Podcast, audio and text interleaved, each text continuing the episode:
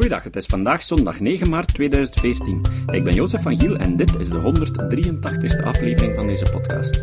Deze aflevering kwam tot stand mede dankzij Riek de Laat. De muziek is van Nick Lucassen en Emiel Dingemans verzorgt de website en de Facebookpagina. De podcast Kritisch Denken bestaat sinds vorige maand vijf jaar. In die vijf jaar heb ik altijd de RSS-feed van de podcast manueel aangepast. Dat wil zeggen dat ik elke XML-tag en tekst manueel erin stak via een simpele teksteditor. Maar we zouden dat nu willen veranderen. Want met de nieuwe website, die onder WordPress is ontwikkeld, wordt nu al een jaar een automatische RSS gegenereerd. En we zullen die dus binnenkort ook aan iTunes koppelen. Dat zal me dubbel werk en fouten besparen. Maar het zal ons ook de mogelijkheid bieden om betere statistieken te maken. Het probleem is dat het mogelijk is dat je in de loop van de volgende weken plots verschillende afleveringen op iTunes dubbel zal zien verschijnen. Best gooi je dan de oude versies weg, en hopelijk kunnen we dat afronden zonder te veel problemen. Vandaag bespreken we Pas op met neuro-onzin. Dit is een TED-talk door Molly Crockett, vertaald door Christel Fonke. Ik ben neurowetenschapper en ik bestudeer besluitvorming. Ik experimenteer met verschillende chemische stoffen en hoe die het brein beïnvloeden in onze beslissingen. En dit is het geheim van succesvolle beslissingen: een boterham met kaas. Dat klopt. Volgens wetenschappers is een kaasboterham de oplossing voor al je moeilijke beslissingen. Dat weet ik omdat ik het onderzoek deed. Een paar jaar geleden waren mijn collega's en ik geïnteresseerd in hoe serotonine, een chemische stof in het brein, mensen beïnvloedt bij beslissingen in sociale situaties. We wilden vooral weten hoe serotonine de reactie van mensen op een onrechtvaardige behandeling zou beïnvloeden. We deden een experiment.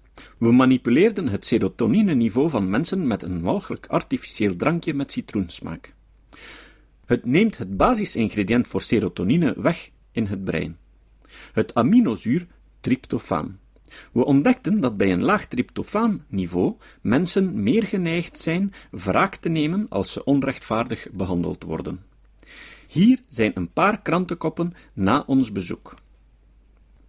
Een boterham met kaas volstaat voor krachtige beslissingen. En kaas is onze beste vriend. En meer zelfbeheersing. Eet kaas en vlees. Dan vraag je je af: mis ik iets? Officieel, chocolade maakt je gelukkig.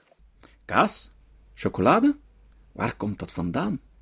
Dat dacht ik toen deze berichten verschenen, want onze studie had niets te maken met kaas of chocolade.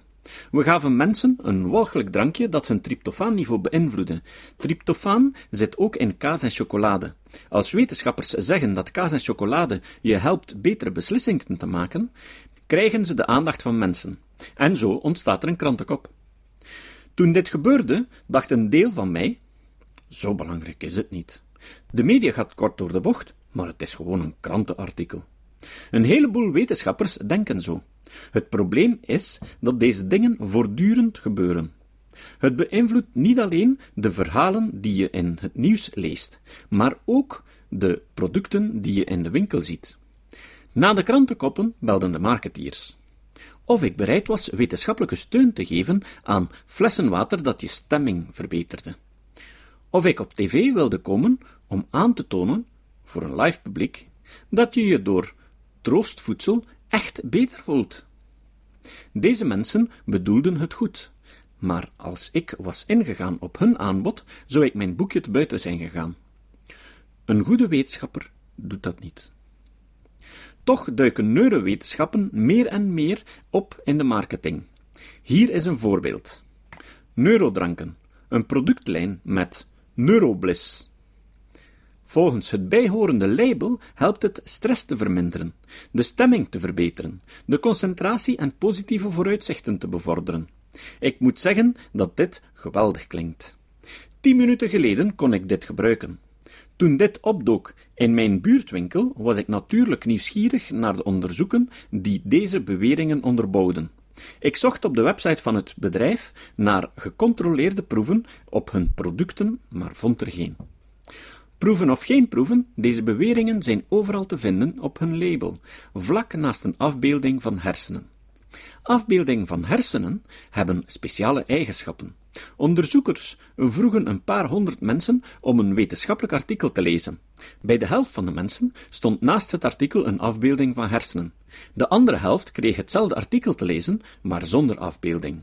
Aan het eind, je snapt al waar ik naartoe wil, vroegen ze aan de mensen of ze akkoord gingen met de conclusies van het artikel. Op een schaal van 0 tot 5, waarop ze moesten opgeven hoeveel ze met het artikel akkoord waren, gaven de mensen die het artikel zonder afbeelding kregen gemiddeld een 2,8. De anderen gaven het gemiddeld 3,2. Dus onthoud dit. Wil je iets verkopen? Zet er een brein op. Ik neem even de tijd om te zeggen dat de neurowetenschappen sterk vooruit gingen in de afgelopen decennia. We ontdekten voortdurend verbazingwekkende dingen over de hersenen. Enkele weken geleden ontdekten neurowetenschappers aan het MIT hoe ze ratten gewoontes kunnen afleren enkel door het beheersen van neurale activiteiten in een bepaald deel van hun hersenen. Echt cool. De belofte van de neurowetenschappen heeft echter geleid tot hoge verwachtingen en overdreven onbewezen beweringen. Ik ga jullie vertellen hoe je snel klassieke opvallende neurononsens kan ontmaskeren. Neurorommel of, mijn persoonlijke favoriet, neuroflapdoodle. De eerste onbewezen bewering is dat je hersenscans kunt gebruiken om gedachten en emoties van mensen te lezen. Een opinieartikel in de New York Times ging over een studie van enkele onderzoekers. De kop? Je houdt van je iPhone. Letterlijk. Het werd al snel het meest gemailde artikel op de site. Hoe kwamen ze hieraan? Ze staken 16 mensen in een hersenscanner en toonden hen video's van rinkelende iPhones. De hersenscans toonden activering in een deel van de hersenen, de insula, een regio die gekoppeld is aan gevoelens van liefde en mededogen. Ze concludeerden dat dit betekende dat de onderzochten van hun iPhones hielden. Er is maar één probleem met die redenering. De insula doet veel. Ze is zeker betrokken bij positieve emoties, zoals liefde en mededogen, maar ook betrokken bij tal van andere processen. Geheugen, taal, aandacht, zelfs woede, walging en pijn. Op basis van dezelfde logica kan ik besluiten dat je je iPhone haat. Ik bedoel maar dat bij activering in de insula je niet kan gaan voor je favoriete uitleg uit de lange lijst. Mijn collega's Tal Jaconi en Rus Poldrek hebben aangetoond dat de insula opduikt in bijna een derde van alle ooit gepubliceerde studies over cerebrale beeldvorming. De kans is dus heel groot dat je insula nu werkt, maar ik maak mezelf niet wijs dat jullie van me houden. Nu we het hebben over liefde en hersenen, er is een onderzoeker, bekend als Dr. Love. Hij beweert dat de wetenschappers de lijm hebben gevonden die samenlevingen bindt, de bron van liefde en welvaart. Deze keer is het geen kaasboterham. Het gaat over het hormoon oxytocine. Je hebt er waarschijnlijk al van gehoord. Dr. Love baseert zijn argumenten op studies waaruit blijkt dat wanneer je bij mensen de oxytocine verhoogt, dit hun vertrouwen, empathie en samenwerking verhoogt. Hij noemt oxytocine de morele moleculen. Deze studies zijn wetenschappelijk onderbouwd en ze zijn gerepliceerd, maar het verhaal is niet compleet. Andere studies hebben aangetoond dat oxytocine afgunst en leedvermaak verhoogt. Oxytocine doet mensen kiezen voor hun eigen groep ten koste van andere groepen. En in sommige gevallen vermindert oxytocine zelfs samenwerking. Op basis van deze studies kan ik zeggen dat oxytocine een immorele molecule is en mezelf Dr. Strangelove noemen. We lazen Neuroflapdoodle in vele krantenkoppen. We zien het in supermarkten op de boeken. Hoe zit het met de kliniek? SPECT Imaging is een hersenscan-technologie die gebruik maakt van een radioactieve merkstof om de bloedstroom in de hersenen te volgen. Voor de weggeefprijs van een paar duizend dollar krijg je in sommige klinieken in de VS een SPECT-scan. Die wordt gebruikt bij de diagnose van je problemen. Klinici beweren dat deze scans de ziekte van Alzheimer helpen voorkomen, gewichts- en verslavingsproblemen oplossen, echtelijke conflicten overwinnen en een reeks van geestesziekten behandelen, variërend van depressie tot angst en ADHD. Dit klinkt geweldig. Een heleboel mensen zijn het ermee eens. Sommige van deze klinieken verdienen tientallen miljoenen dollars per jaar. Er is echter een probleem. In de neurowetenschappen is men het erover eens dat we geestesziekten nog niet kunnen diagnosticeren door een enkele hersenscan. Ondertussen hebben deze klinieken tienduizenden patiënten behandeld, waaronder vele kinderen. SPECT-imaging betekent een radioactieve injectie, dus blootstelling van mensen aan potentieel schadelijke straling.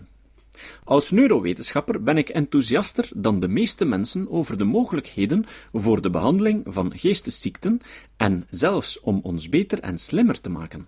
Als we op een dag kunnen zeggen dat kaas en chocolade ons helpen betere beslissingen te nemen, dan doe ik mee. Maar we zijn daar nog niet.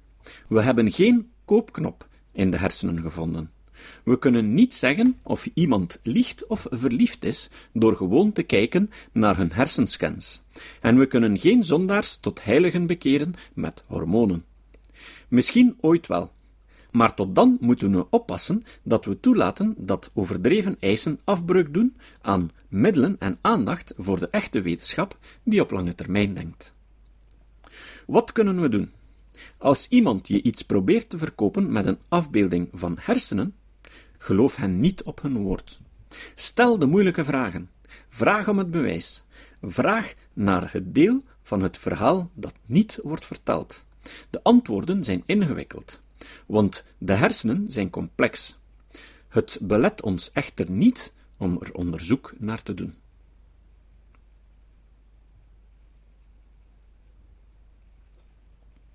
Het citaat.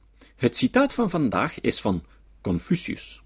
Confucius was een Chinese filosoof die leefde in de vijfde eeuw voor onze jaartalling, dus rond dezelfde periode als Pythagoras in Griekenland.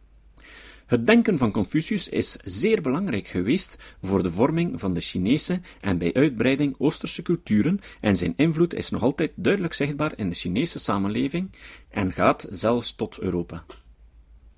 Confucius zei: Echte kennis is beseffen hoe groot je onwetendheid is. Tot de volgende keer.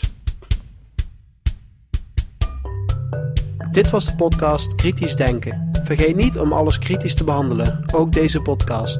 Voor verdere informatie over deze podcast, links en voor de tekst, surf naar www.kritischdenken.info. Als je deze podcast belangrijk vindt, kun je me steunen door anderen warm te maken ook eens te luisteren. Stuur een e-mail naar vrienden met een link naar de website en plaats de link in de handtekening van je e-mails. Tevens kun je op iTunes deze podcast een beoordeling geven of een recensie schrijven.